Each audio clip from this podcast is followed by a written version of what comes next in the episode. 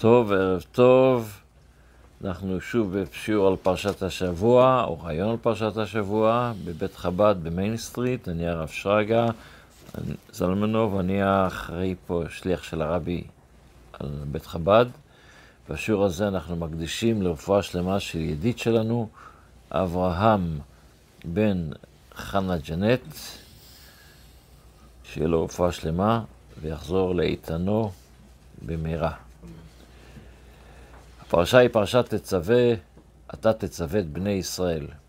הפרשה מתחילה ב"אתה תצווה את בני", משה, אתה, הכוונה היא למשה רבינו, למרות שאנחנו הזכרנו בשיעורים קודמים, בפעמים קודמות, בשנים קודמות, שהפרשה היא פרשה שלא מופיע בה השם של משה רבינו, עם כל הפרטים של זה, נדלג על הרעיון, אבל הכוונה ואתה תצווה זה על משה רבינו. אתה תצווה את בני ישראל ויקחו אליך שמן זית זך. כתית למאור, לעלות נר תמיד. זה המטרה, לעלות נר תמיד. אבל בהמשך, הפסוק הבא אומר, באוהל מועד מחוץ לפרוכת אשר על העדות, יערוך אותו אהרון ובניו מערב עד בוקר. אז פעם אחת זה כתוב, אצל משה רבנו כתוב, לעלות נר תמיד, אז זה כל הזמן, זה נר תמיד. מצד שני כתוב, שמה? שמערב עד בוקר, זה זמן מוגבל, פעם, זה, פעם אתה עושה ואתה מפסיק ואתה עושה עוד פעם. אז מה זה פה? זה נר תמיד או, או לא?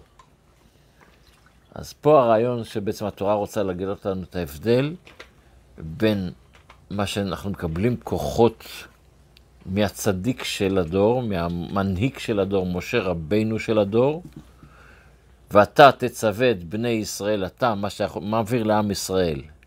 אתה, משה רבינו, שורת התורה, אתה, משה רבינו, שמסמל את התורה. זה תמיד, נר תמיד. הכוח הזה נמצא כל הזמן. אהרון מסמל את העבודה של הקורבנות. זה עבודה שלנו, עבודה של, של האדם הנברא.